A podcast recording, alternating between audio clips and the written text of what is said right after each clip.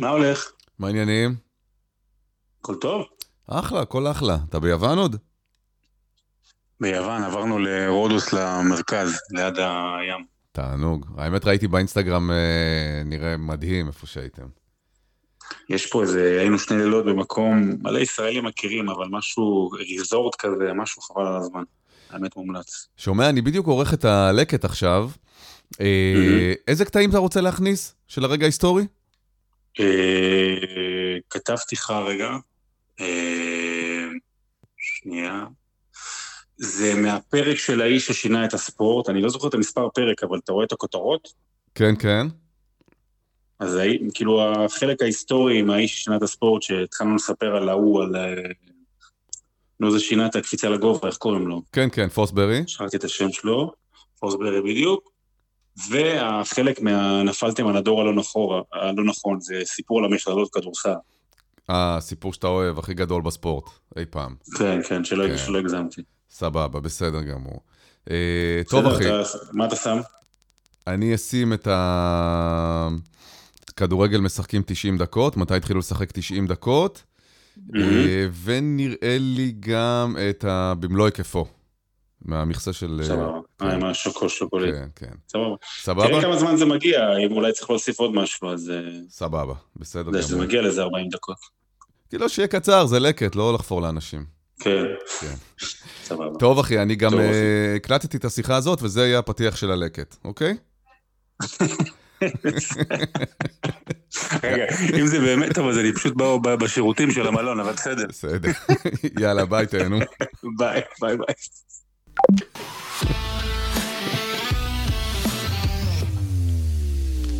טוב, אה, בוא, בוא נחנוך אה, פינה חדשה כבר יאללה. בפרק השני, ואנחנו ננסה לעמוד בו, אה, פינה שננסה לעמוד בה מדי שבוע, והשנה, והשבוע הזה זה לא רק שזה חשוב, אלא גם אקטואלי. פינה היסטורית, כל פעם ננסה להביא איזשהו סיפור היסטורי, בתקווה שזה קשור למה שקורה או עם התאריך. והאמת שזה הזדמן לנו אתמול, חבל שזה קרה, במובן כמובן של המוות, אבל כשמפורסמים לשעבר, מה שנקרא, הולכים לעולמם, זו הזדמנות טובה להיזכר בהם. ואתמול, אה, אני אגיד את זה כך, יש הרבה מאוד אה, ספורטאים שהם הכי גדולים בענף שלהם. אתה יודע, או שאומרים שהם הכי גדולים, או שמתדיינים, אוקיי, זה בסדר, זה לגיטימי, מייקל ג'ורדן, מסי, סבבה והכל. יש אחדים, אם לא אחד או שניים, בהיסטוריה של הספורט, ששינו ענף שלם מהקצה לקצה. זאת אומרת, אתה יודע, אומרים, ג'ורדן שינה את המשחק, מסי שינה את המשחק, מרדונה, הם לא, הם לקחו את הריבוע שאנחנו מכירים ומתחו את הגבולות שלו. הם לא שינו את המשחק. אבל דיק פוסברי, אה, שהלך לעולמו אתמול בגיל 76, מדליסט הזהב מ-1968 במקסיקו סיטי, הוא שינה מהקצה אל הקצה את ענף הקפיצה לגובה. אמ, אני מניח שמרבית המאזינים שלנו ראו לפחות פעם אחת בחיים שלהם קפיצה לגובה, איך זה נראה. פעם זה היה נראה אחרת לגמרי. פעם קפיצה לגובה הייתה, כמו שאנחנו עדיין היום בבית ספר יסודי או בחטיבה, קופצים עם אה, מעל ארגז חול, אה, קפיצת מספריים. היה פעם, אה, הייתה קראו- גל- גלילה, גלילת בטן קראו גלילת לזה. בטן. שאתה בא ובעצם עושה כמו קפיצת ראש של דולפין מעל המוט. כמו שהילדים קופצים אה, על כן. הספה. ניסו את כל הכיוונים והזוויות האפשריות עד שבא פוסברי והמציא עכשיו, את הקפיצה המודרנית. כן, אבל, אבל יש בזה משהו יותר יפה. דיק פוסברי היה מה שנקרא בעגה המקצועית ספורטאי כושל. מה זה אומר ספורטאי כושל? או סליחה, מצטיין כושל. זה אומר שהוא יותר טוב ממני וממך, אבל כשהוא מגיע ל, ל, ל, ל, לגדולים, אז אין לו סיכוי, הוא התאמן, ב, הוא שיחק בנבחרת אתלטיקה של המכללה שלו, הוא ניסה את זה ואת זה וכל מיני ענפים, לא הצליח. הוא הגיע לקפיצה לגובה, ופעם אחר פעם הוא שמע את באמת אחד הסאונדים הכי... הכי מלבבים, אבל גם כואבים בספורט, שזה הבר שנופל. אחר כך, ב...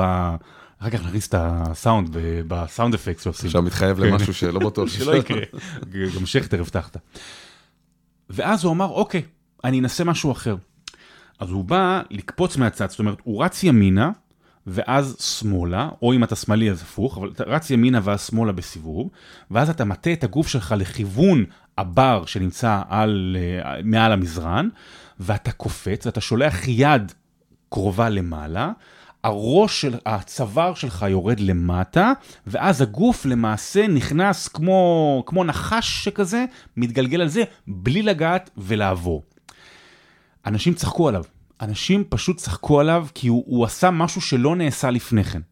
הוא הצליח להפיל לאולימפיאדה, ושם הוא פגש באמת את מה שנחשב אגב, ואלעד זאבי ידידי שכתבנו ביחד את הספר סיפור אולימפי, כתב את הסיפור הזה, אני אגיד לך שזה סיפור כל כך גדול שהוא נמצא בטופ של ה-25 mm-hmm. הראשונים, באמת סיפור מאוד מאוד חשוב. אנשים צחקו עליו, והיה שם באותו, אה, באותה אולימפיאדה, באותו גמר, אולי את הסגל הכי, הכי מוכשר שהיה אי פעם. והוא הצליח להגיע לגמר, ובניסיון השלישי הוא קפץ 2 מטרים 24 סנטימטרים, והוא ניצח. עכשיו, צריך להבין, הוא זכה במדליית הזהב, אחר כך הוא ניסה להשו, להשוות את שיא העולם שהיה עד אז, הוא שינה לגמרי. הוא לא היה קופץ טוב, הוא לא היה קופץ טוב. אם כל השאר היו מנסים את השיטה שלו, הם היו מנצחים אותו בקלות. אחרי שהוא ניצח, לאט לאט אנשים, ספורטאים ניסו לעשות כמוהו. אבל גם היה מחאת נגד.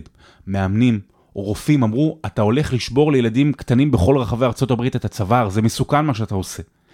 אבל לאט לאט, אה, מה שנקרא, זה, זה, באמת אפשר להשליך את זה על כל דבר בחיים שלנו. אתה יוצא מהקופסה, כולם נורא נבהלים, ואז מבינים, מבינים שהקופסה יותר גדולה, גדולה ממה שהם חשבו. ב-1988, באולימפיאדת סאול, זו הייתה הפעם האחרונה שקופץ לגובה ניסה אה, קפיצה שהיא לא הקפיצה של פוסברי. רק ב-88? רק ב-88. חשבתי שהרבה יותר מוקדם. אתה יודע, אה, ניסו וזה, היה בחור מדרום קוריאה, ניסה. לקח קצת זמן, ובאמת דיקס פוסברי הוא, הוא מסר, מסר ל, ל, ל, לספורט ולהכל, שנסו, נסו לצאת מהקופסה. נסו, אתה יודע מה, אה, אני, זה ממש אה, מציף אצלי את השאלה, האם אפשר עוד להמציא משהו בספורט? תחשוב שנגיד כדורגל או כדורסל, האם אפשר שמישהו יבוא וימציא זריקה חדשה לסל? או בעיטה חדשה? או דרך כלשהי, אתה יודע, להניע כדור מנקודה א' לנקודה ב', שלא חשבו עליה עד עכשיו. אני תוהה האם זה באמת אפשרי. ואתה יודע כמה זה קשה אצל ספורטאים, שכל הילדות שלהם מלמדים אותם את הדברים ש... את הדבר האחד הזה. ובכל זאת הוא רוצה, כן. אז יהי זכרו ברוך. הנה, אז יהי זכרו ברוך, ועם המסר הזה, מסר השראה, נסיים.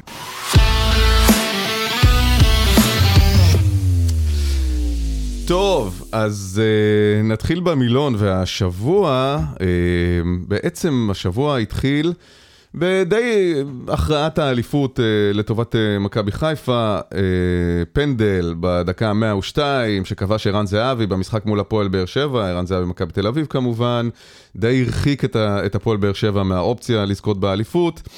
וזה גרם לי לחשוב, פנדל במאה, בדקה ה-102, נכון? אמ, איך מסתיימים משחקים בכדורגל? מתי החליטו איך ומתי מסתיים uh, משחק? מה, של uh, תוספת הזמן או דקה 90? גם וגם, גם אני, וגם. האמת שאפילו לא חשבתי על זה.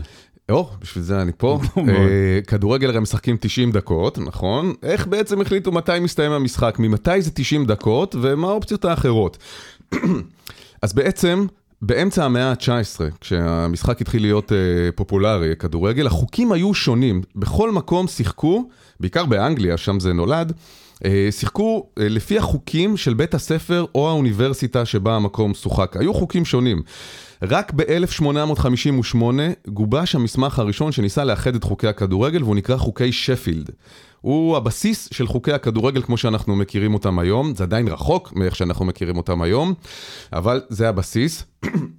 למשל, היו, היו שם הגדרות uh, שנראות כאילו מובנות מאליהם, אבל זה שאסור לתפוס את הכדור ביד, או אסור להרביץ לשחקן אחר כדי לקחת לו את הכדור. דברים שצריך היה לכתוב אותם כדי שלא יקרו. מה לא היה שם בחוקי שפילד? שוערים.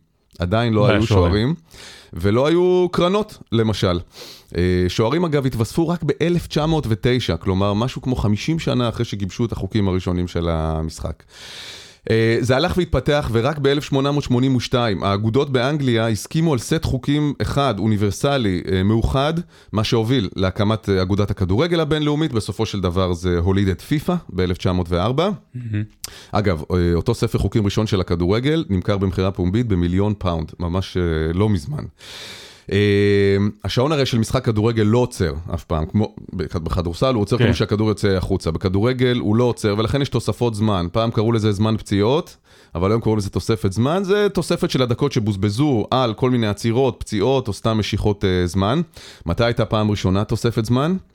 1891, היה משחק בין אה, סטוק לאסטון וילה, 1-0 לאסטון וילה, היה פנדל לסטוק, אבל השוער של וילה בעט את הכדור רחוק ליציע.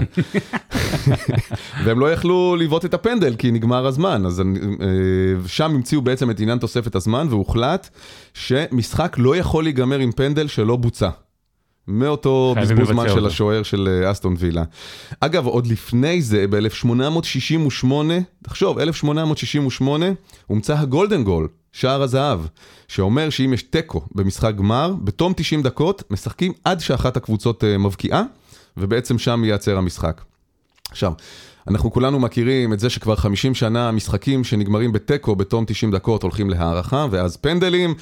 תמיד כיף לחזור על אה, פרט הטריוויה הידוע איך בסוף שנות ה-60 שני עסקנים ישראלים הציעו לפיפ"א את הפנדלים כדרך להכריע תיקו, אבל כן חשוב להזכיר שלפני שהמציאו את הפנדלים הטילו מטבע כדי לקבוע מי ינצח אם יש תיקו גם בהערכה. במונדיאל האחרון ניסו לתקן את עניין בזבוזי הזמן, ראינו הרי בהתחלה תוספות של 11 כן, ו-14 דקות, מטורף. זה היה לא מוצלח, זה היה גחמני, ובעיקר לא הייתה שום אחידות בין המשחקים, לא ידעת למה לצפות וכמה יוסיף שופט ספציפי במשחק ספציפי, זה התחיל בשלבים המוקדמים, אחר כך זה דעך ככל שהתקרבנו אל הגמר וחזר אל הפרופורציות שאנחנו מכירים היום. אגב, אמירת צד לטרחנים כמוני, אה, טעות נפוצה, נפוצה, שאנשים אומרים בדקה ה-99, מתוך מחשבה שזה רגע לפני 100, אבל בעצם כל מי שמכיר כדורגל יודע שזה הביטוי הנכון הוא בדקה ה-90. שזה אומר שנייה לפני שהשופט שורק. אז עשיתי גוגל על בדקה ה-99, ואתה רואה מלא צימרים בדקה ה-99, כן, כן. מוניות בדקה ה-99, ידיעות עיתונאיות על דברים שקורים בדקה ה-99. אבל כמובן שזה בדקה ה-90, וזה הביטוי הנכון. ואם חוזרים לשאלה המקורית, ממתי משחקים 90 דקות, אז... או. ב-1866, זוכר את חוקי שפילד, המסמך הראשון? זה לא היה כתוב שם. היו קיימברידג'. גם חוקי FA, שזה ה-Football ה- Association, שהם היו קצת שונים, ואז עשו משחק היסטורי בין קבוצה ששיחקה את חוקי שפילד לקבוצה ששיחקה את חוקי FA, ושם הסכימו בפעם הראשונה שהמשחק יארך 90 דקות. ב-1866, זה, שם זה אומץ כזמן התקני של משחק כדורגל, 157 שנים משחקים 90 דקות. אוקיי. ולקראת סיום, למרות שאני פתאום מבין שקצת פלשתי לך לטריטוריה עם? המילון, לא, אה, לא. עם המילון בהתחלה על המרכזים, שהיה בזה היסטוריה. אה, היסטוריה זה- של מרכזי הספורט בישראל. תקשיב, היסטוריה כזאת תשאיר לעצמך. כן. באמת, היסטוריה שאני כל כך לא אוהב, המרכזים אין דבר יותר שכלה ב- ב- לא, בספורט אבל שלנו. השתדלתי לקצר, השתדלתי לרפרף רק מלמעלה, שככה נרוץ על אה. אה, מהמילונים המשובחים, אנחנו יכולים להיות במורפיקס, אנחנו יכולים להיות. בדיוק. אז אה, היום, תשמע, אנחנו נמצאים, אה, אני לא בטוח אם נעשה פרק שבוע הבא, אז אמרתי נעשה את זה עכשיו. עכשיו, פסח וזה. אה, אנחנו נמצאים עכשיו בטורניר, אה, בתקופה של המרץ' מדנס זה נקרא, טורניר המכללות בכדורסל בארצות הברית, גם גברים גם נשים. רק נגיד, זה באמת, זה הדבר הכי מטורף שיש בארצות הברית, ספורט מכללות. אז זה, זה שילוב של הטירוף שאנחנו מכירים נגיד מדרום אמריקה, אתה יודע, שירים ו- ועידוד, שזה בדרך כלל אתה לא רואה בספורט האמריקאי, יחד עם תרבות הספורט האמריקאית המאוד מאוד שורשית, מקומית, כאילו קהילתית אפילו, כן. אם ההורים שלך שיחקו באוניברסיטה, במכללה אתה חייב להיות המכללה הזאת. לגמרי, זה המורשת, זה הלגאסי. אגב, אנחנו כולנו כישראלים נחשפנו לזה כשנדב הנפלד. היה... ודורון אה, שפר. ואחריו דורון שפר, אבל זה היה טירוף, כולנו עקבנו מה עושה ג'ורג'יה טק נגד UCLA. כן. אה, ובאמת זה, זה, זה באמת כי באמת זה, זה מראה יש שם קהל גדול וסיקור מטורף בארצות הברית. אבל אני רוצה לספר לך לא רק סיפור על מכללות הטוב ביותר אי פעם, אלא משהו עבורי ואני לא אומר את זה סתם.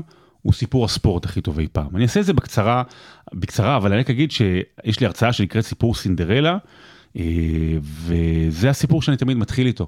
וזה סיפור שאני... שנייה, אנחנו מקדמים אה, חלטורות עכשיו לא, ב- אל תזמינו, בפודקאסט. אל תזמינו אותי, זה בסדר, לא, הכל בסדר, אה, אפשר לדבר איתי גם בפרטי, בפייסבוק, באינסטגרם, אבל לא צריך להזמין אותי.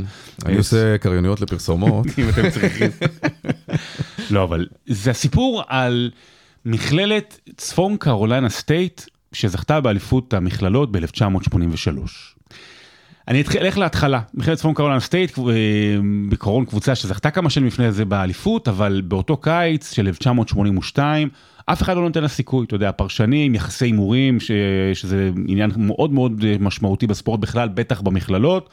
אמרו, אם הכל יהיה בסדר, אם הכל יתחבר לה, אולי, אולי, אולי תגיע לטורניר ה-NCAA. מה זה טורניר ה-NCAA? טורניר של 64 קבוצות, מכללות מכל רחבי ארצות הברית, מתוך מאות, שמגיעות, ואז זה שלב נוקאוט. זאת אומרת, אה, מנצחים עולים אה, לשלב הבא.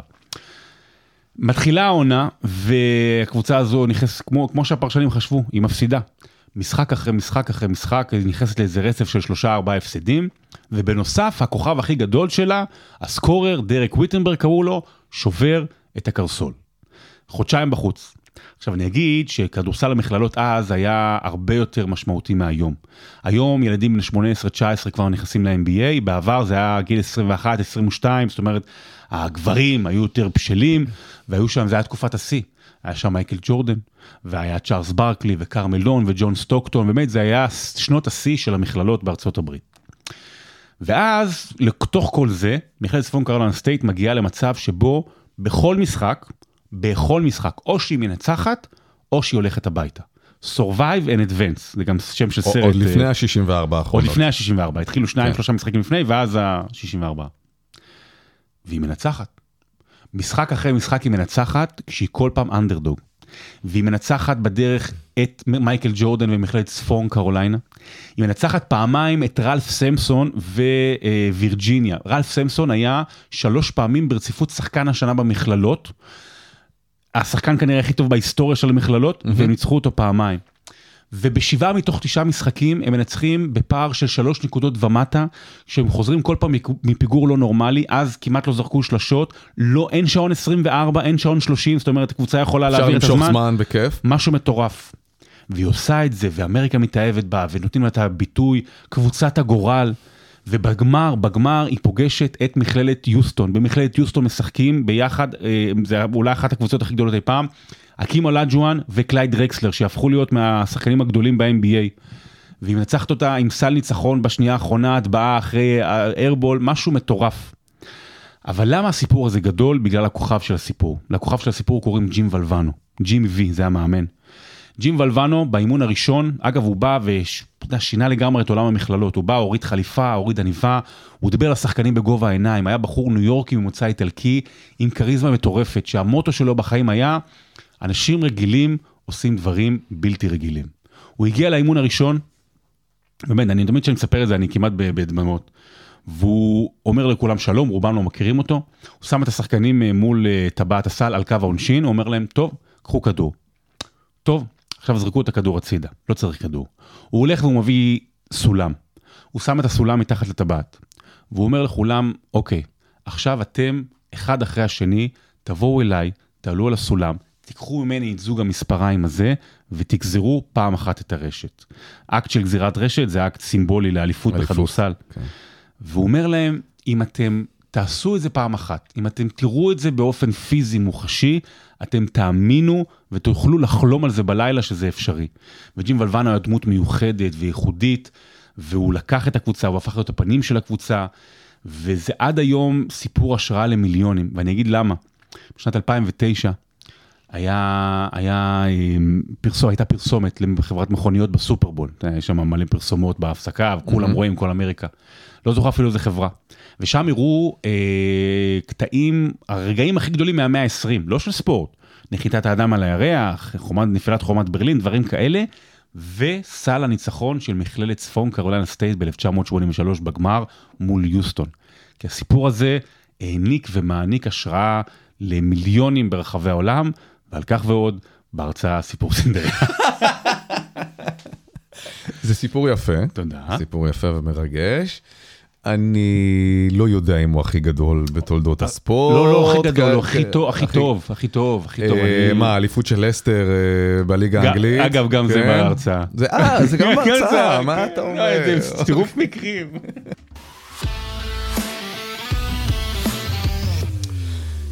אז עכשיו למילון. למילון, יאללה, תן לי. והמילון, אה, הפעם, אה, הוא היה בתחילת השבוע משחק אה, בין מכבי חיפה והפועל ירושלים. תחילת שבוע או שבת? לא, לא, כבר בשבת. בשבת. שבת. הפועל אצלי ירושלים... זה ככה מתחיל השבוע, דרך אגב, כן. בשבת. הפתעה גדולה, הפועל ירושלים מנצחת את מכבי חיפה, חיפה מופתעת, אולי קצת שאננה לקראת זכייה נוספת באליפות, בעצם מאבדת נקודות מול הפועל ירושלים, שעושה פלייאוף מצוין, הפועל ירושלים. והיו כמה רגעי אה, מחלוקת גדולים מאוד במשחק הזה, יעד, לא יעד, שהובילה לפנדל, אבל אנחנו נתייחס לפריצה אה, מצד שמאל של כוכב הפועל ירושלים, הראל שלום, אה, גם בתקופה נהדרת. רץ מצד שמאל, רץ, רץ, רץ, כדור ספק עובר את הקו אה, של השער, אה, מה שאומר שזה בעצם אמור להיות אה, כדור למכבי חיפה, כדור לשוער. אה, מצליח אה, אה, להכניס את הכדור אה, פנימה ושער. אוקיי, שער 2-1. שתיים, שער ניצחון, לא סתם. כן. 2-1, הפועל ירושלים. כמובן הייתה שאלה גדולה וויכוח מאוד גדול סביב אה, האם הכדור עבר את הקו או לא עבר את צריך הקו. להגיד שבזמן אמת השער אושר. נכון. זאת אומרת, זה רלוונטי לגבי ענייני הוא עבר. שר ולא סתם הוא שר. הוא שר, אה, אתה יודע, כמו שיש במשפט הפלילי, מחוסר אשמה או מחוסר ראיות, אז הוא שר מחוסר ראיות. אה, כי יום אחרי זה גם שחררו את ההקלטות של שופטי העבר וההתייעצות עם השופט הראשי של המשחק, והוא אומר השופט, אני לא רואה, בהן, לא רואה בצילומים, אין פה שום זווית שמוכיחה אחרת ממה שהחלטתי. זה, הוא לא אומר... הוא כן, כן, כן. עבר אה, בוודאות, אה, או לא עבר בוודאות, אומר אין שום זווית שמראה אחרת. וזה הספיק, אה, ואנחנו, זה כמובן הזכיר לכולם את המשחק מהמונדיאל האחרון בין יפן וספרד, שהיה מאוד מאוד דומה. דומה. אה, וגם שם, אחרי כל מיני הדמיות מחשב. שם, שם, מה שרק יש, צריך להגיד את ההבדל. פה יש לך איקס מצלמות, 8-10 מצלמות, לא בכל המקומות הנכונים. במונדיאל אין משחק שאין בו 40-45 מצלמות, זה מטורף. הראו באותו משחק ביפן, במונדיאל, אה, מה, שנקרא מצלמת עכביש שנמצאת למעלה, רואים אופקי מלמעלה, וזה נראה שהכדור בחוץ. אבל בהדמיות גילו שלא לא. במלוא היקפו. לא במלוא היקפו. ומה זה במלוא היקפו? זה מינוח שאומר, יודעים כל ילד שמשחק בשכונה אפילו, זה עבר במלוא היקפו או לא, כמה ריבים בכדורגל שכונתי, כמה מכות הלכו על אה, במלוא היקפו או לא. אז הכדור צריך לעבור שכל ההיקף שלו עובר את הקו. עובר כמובן את החלק החיצוני של הקו, גם לקו עצמו הרי יש עובי מסוים, הוא מתחיל בתוך המגרש ובעצם הקצה של הקו הוא, הוא, הוא, הוא חוץ המגרש. אה, אה, אז הכדור, כל ההיקף של הכדור צריך לעבור את כל הקו. זה נקרא במלוא היקפו.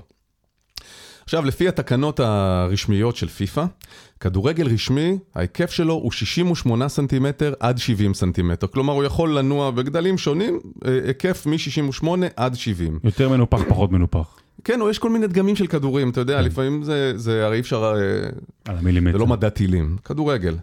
אז uh, בשביל דווקא uh, להחמיר, נלך על הגרסה הקטנה יותר. של שיש... נגיד שהכדור, ואגב, אני ביררתי את זה עם מנהלת הליגות כאן, וואלה. uh, הכדור, כדורי רגל כאן עומדים בתקנות של פיפא. לא ידעו להגיד לי בדיוק עם איזה כדור שיחקו במשחק הספציפי הזה, אבל uh, זה עומד בתקנות של פיפא, כלומר, אם אני מחמיר בשביל הדיו- השעשוע התיאורטי, אז נלך על כדורגל של 68 היקף. מי שזוכר קצת גיאומטריה מבית ספר, הנוסחה של חישוב היקף היא 2 פאי r, אוקיי? כלומר, אם ההיקף של כדורגל, ואנחנו הולכים על הגרסה המחמירה, הוא 68, כדי למצוא את הרדיוס של הכדור, שזה המרחק מנקודת האמצע עד לדופן של הכדור, נכון? מהאמצע עד הדופן זה רדיוס. 2 פאי r זה היקף, אנחנו נחלק בשתיים, מחלקים בפאי, שזה בערך 3.14, יוצא שהרדיוס של כדורגל תקני הוא 10.82. עכשיו, 10 סנטימטר נקודה 82, זה הרדיוס של כדורגל. עכשיו, כאמור, כשאומרים במלוא היקפו, אנחנו מתכוונים לחלק הכי רחב של הכדור, נכון? שזה בדיוק האמצע. זה בדיוק מהאמצע עד הקצה. זה החלק הכי רחב של כל כדור. אה, זה הרדיוס. עכשיו, כשמודדים היקף, כמובן מודדים את זה בחלק הכי שמן של הכדור, נכון? נכון. כשאתה מודד את הבטן שלך, אז בחדר כושר... אתה אמור, אתה- אתה אמור, אבל אתה בדיוק אתה תוריד קצת למטה כדי לא לבדוק את ההיקף המלא. אז שוב, כל היקף הכדור צריך לעבור את הקו, אפילו אם מילימטר נשאר בתוך המגרש, זה לא חוץ, לא קרן, לא שער, לא כלום, נכון?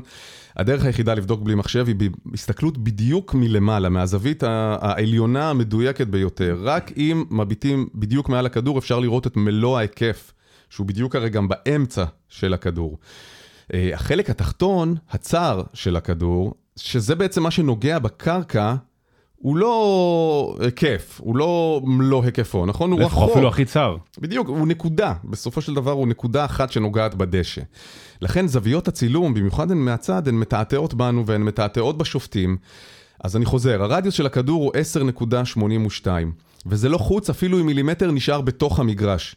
כלומר, מהנקודה הצרה ביותר שנוגעת בקרקע, יכול להיות רווח על הדשא של 10.81. שזה ייראה ירוק אם אנחנו מסתכלים לגמרי. בצילום, אוקיי? אה, ונהיה בטוחים שהכדור עבר, אבל הוא לא עבר. עשרה נקוד, סנטימטר, נקודה 81 מילימטר של ירוק, אה, ועדיין הכדור לא עבר את הקו במלוא היקפו. תשמע, זה לא מעט, עשרה סנטימטר אה, ו-81 מילימטר. אני מדדתי כל מיני דברים, זה נשמע רע. מדדתי מקופלת. אוקיי, אוקיי, כמה זה מקופלת? תשעה סנטימטר. זאת אומרת, רגע, לא, הרגיל... רגיל, רגיל. זאת אומרת, קוטר של אה, מקופלת זה כמעט כמו קוטר של כדור? לא הקוטר, הרדיוס. הרדיוס, סליחה. וגם... הרגת אותי. התבלבלת. לא, לא התבלבלתי, אני לא... עזוב, שים את הכדור כמו שהוא היה במשחק של הפועל ירושלים, ותשים מקופלת בין איפה שהכדור נוגע לקו, mm. המקופלת לא תגיע לקו עדיין. וואל, הבנתי, אוקיי. זאת אומרת, אם אתה יכול לדחוף מקופלת בין הכדור לקו... זה מה שצריך היה לעשות. בדיוק. וככה היה צריך לבדוק. אבל זה רק תשעה סנטימטר. הלכתי וחיפשתי בבית כמו משוגע דברים שהם בדיוק 10-80. ומצאתי... וכשיש לך זמן פנוי, כשאין אה, בבוקר ברדיו. מצאתי. מכסה של שוקולית גדולה. מכסה של שוקולית? כן, הצהוב הזה. כן, כן. אה, שוקולית, קח את המכסה, שים אותו מהרג... מהנקודה שהכדור נוגע בדשא עד הקו, זה בדיוק 10.80. בדיוק. זאת אומרת, וואו. אם השוקולית נוגעת בקו אחרי שחיברת בין הכדור לקו, אם היא נוגעת בקו, זה אומר שהכדור לא עבר במלוא היקפו. מעכשיו? אם השוקולית לא תיגע, אז הכדור עבר במלוא היקפו, ומה שהיה צריך לעשות שופט המשחק, זה לרוץ עם מכסה של שוקולית. שוקולית. ולהכניס אותו ולבדוק. אתגר השוקולית, כל פעם שיש עניין של היקף במלוא או לא, אתגר השוקולית, זה מה שנעשה.